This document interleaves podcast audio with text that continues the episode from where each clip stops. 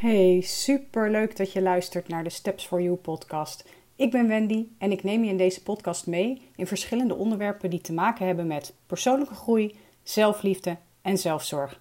Laten we meteen beginnen. Hallo, hallo, super leuk dat je weer luistert naar deze nieuwe aflevering van de Steps for You podcast.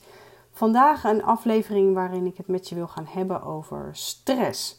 Een uh, onderwerp waar uh, vandaag de dag heel veel over gezegd en geschreven wordt. En uh, dat is niet zonder reden. Het is namelijk heel belangrijk dat wij weten wat stress met ons doet. En ja, als je dat weet, dan kun je daar dingen aan gaan veranderen. Dus ik ga je daar in deze podcast meer over vertellen.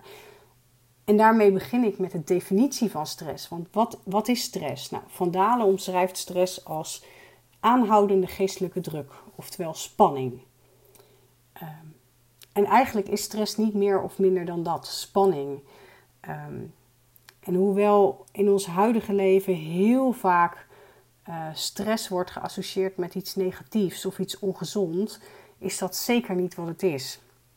Het is namelijk heel erg nodig dat we een bepaalde mate van stress hebben in ons leven. En dat klinkt misschien heel gek, omdat je zelf uh, liever verre van stress blijft. En dat kan ik me op zich heel goed voorstellen. Maar stress is, uh, is iets dat we nodig hebben om beter te presteren. Stress maakt dat we alert worden en dat onze prestaties verbeteren.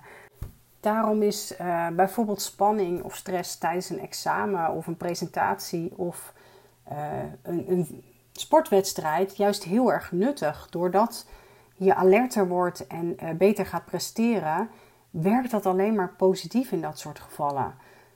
Maar wat gebeurt er nou in ons lichaam als we stress hebben? Nou, er gebeurt van alles in ons lichaam. Um, onder andere worden er bepaalde uh, hormonen aangemaakt. En een van die hormonen is bijvoorbeeld adrenaline. En uh, je kent het misschien wel, als er iets heel spannends is, dan sta je stijf van de adrenaline. Nou, dat is letterlijk wat er gebeurt. adrenaline maakt dat bijvoorbeeld je hart sneller gaat kloppen en je ademhaling versnelt. Of je spieren spannen zich aan. En dit zijn dan ook signalen dat als jij goed naar je eigen lijf luistert, dat je die kunt waarnemen. En op die manier kun je waarnemen dat er een bepaalde mate van stress is. En uh, dit zijn uh, signalen die op een gegeven moment, nadat de stressvolle gebeurtenis voorbij is, uh, weer afnemen en waarna je lichaam zich kan herstellen. En misschien herken je deze gevoelens wel en vind je het heel onprettig en voel je ze liever niet ook niet heel gek, maar het hoort erbij. We kunnen er niks aan doen. Het is een automatische respons, automatische reactie die plaatsvindt in je lijf. En uh, die dus na die stressvolle gebeurtenis ook weer afneemt. Dus ook dat kun je voelen. Dat je hartslag rustiger wordt, dat je weer rustiger kan ademhalen. Allemaal dingen die je vast zelf wel eens ervaren hebt uh, bij een examen bijvoorbeeld. Uh, of, of, een, of een presentatie die je hebt moeten geven ik denk dat iedereen dat, dat wel herkent. Maar als stress dus een nuttig verschijnsel is, waardoor je beter presteert, waarom horen we vandaag de dag dan zoveel over uh, stress en hoe belangrijk het is om niet te veel stress te ervaren? Uh, het klopt namelijk dat we daar heel veel over horen en lezen. En dat is ook niet zonder reden, want ook al is stress een nuttig verschijnsel, het kan voor problemen zorgen op de langere termijn. En dat is dan ook precies waar stress een probleem kan worden. Want wanneer stress lang aanhoudt, houden dus ook die signalen lang aan. Die, die versnelde hartslag en die ademhaling en, uh, en die gespannen spieren. En dat maakt dat je lichaam niet kan herstellen. Het blijft onder die spanning staan. En dat kan heel veel gevolgen hebben. Um, nou, nou weet je dat vast wel, heb je dat misschien wel eens gehoord. Je kunt overspannen raken daardoor of een burn-out krijgen. Maar er zijn nog zoveel meer klachten die je kunt krijgen, die je chronisch kunt krijgen uh, door uh, stress. Je kunt hierbij bijvoorbeeld denken aan pijnklachten, Ehm, mensen die heel lang heel veel stress ervaren kunnen last krijgen van hoofdpijn of juist pijn in hun rug. Ehm, en ik vertelde al dat een van de signalen is van stress dat je spieren zich aanspannen. Je kunt bijvoorbeeld ook heel veel last krijgen van je schouders en je nek, omdat die, die spieren, uh, en zeker als het langdurig, langdurige stressklachten zijn, omdat die spieren constant aangespannen zijn, dat ze bijna niet meer weten hoe ze moeten ontspannen. En um, er zijn ook mensen die uh, bijvoorbeeld spijsverteringsproblemen krijgen. Die krijgen last van hun maag en, um, en, en, hun darmen. En uh, daarnaast kan je ook heel erg rusteloos worden of slaapproblemen krijgen, waardoor je enorm vermoeid raakt. Nou, dat zijn allemaal fysieke klachten die kunnen ontstaan door uh, te lang blootgesteld te worden aan stress. En dan, heb, dan zijn dit dus alleen nog maar fysieke klachten. Maar er zijn ook psychische klachten. Want als jij heel lang onder stress staat en jouw lijf krijgt niet meer de kans om te herstellen, dan kun je snel geïrriteerd raken of, uh, of gefrustreerd raken. En je kunt snel in huilen uitbarsten. um, zelf ben ik bijvoorbeeld iemand dat als ik heel lang onder, uh, onder stress sta, want ook, ook ik heb dat ervaren, dan word ik heel emotioneel. Ik kan heel snel huilen om niks eigenlijk. Um, dat hangt een beetje met een aantal dingen samen. Ten eerste uh, omdat inderdaad die stress te lang aanhoudt, maar ook bijvoorbeeld uh, doordat ik slechter slaap. En slechter slapen zorgt dan ook weer voor sneller huilen. Dus het hangt ook heel vaak allemaal aan elkaar. En um, ja, je, je kan dus ook merken, bijvoorbeeld als je langer onder stress staat, dat je, um, nou ja, wat ik al zei, snel geïrriteerd of gefrustreerd raakt. Maar daardoor kun je ook naar anderen toe, uh, bijvoorbeeld gaan snauwen of boos worden. Uh, en dat doe je niet bewust, maar dat gebeurt als een gevolg op die langdurige stress. En uh, wat er ook kan gebeuren is dat je bijvoorbeeld moeite hebt met het stellen van prioriteiten of, om je gedachten op een rijtje te krijgen. Waardoor je weer meer stress ervaart omdat er onrust is in je leven. Je kunt minder makkelijk uh, oplossingsgericht denken.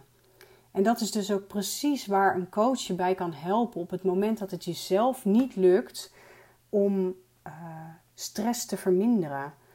Want als je dit allemaal zo hoort, kun je vast begrijpen waarom het belangrijk is om stress te verminderen. Uh, om dit soort dingen nou ja, te voorkomen, misschien niet, maar om wel te voorkomen dat dat echt een probleem gaat worden. En ehm, daarom is het belangrijk om daarmee aan de slag te gaan. En wat ik al zeg, als je heel lang zelf uh, in zo'n cirkel hebt gezeten, is het soms heel moeilijk om daaruit te stappen. Nou, het is niet eens soms heel moeilijk, is het heel vaak heel moeilijk om daaruit te stappen. En het is dus helemaal niet zwak of slap of, of nou ja, geef er een term aan op het moment dat je daar hulp voor inschakelt. Ik denk dat als het gaat om stressklachten, dat het alleen maar heel erg knap is en heel erg goed is dat je aan de bel trekt. En als je dat bij mij doet, jouw problemen zijn niet mijn problemen. Dus ik kan vanaf een afstandje met jou meekijken. Ik kan um, oplossingsgericht met jou aan de slag gaan. Waarbij ik natuurlijk niet de kant-en-klare oplossing ga aandragen, maar waarbij ik wel ga helpen om jou naar die oplossing toe te krijgen, om die gedachten weer te ordenen. Um, en misschien denk je nu wel, nou, al die dingen heb ik geen last van. Ook dat kan.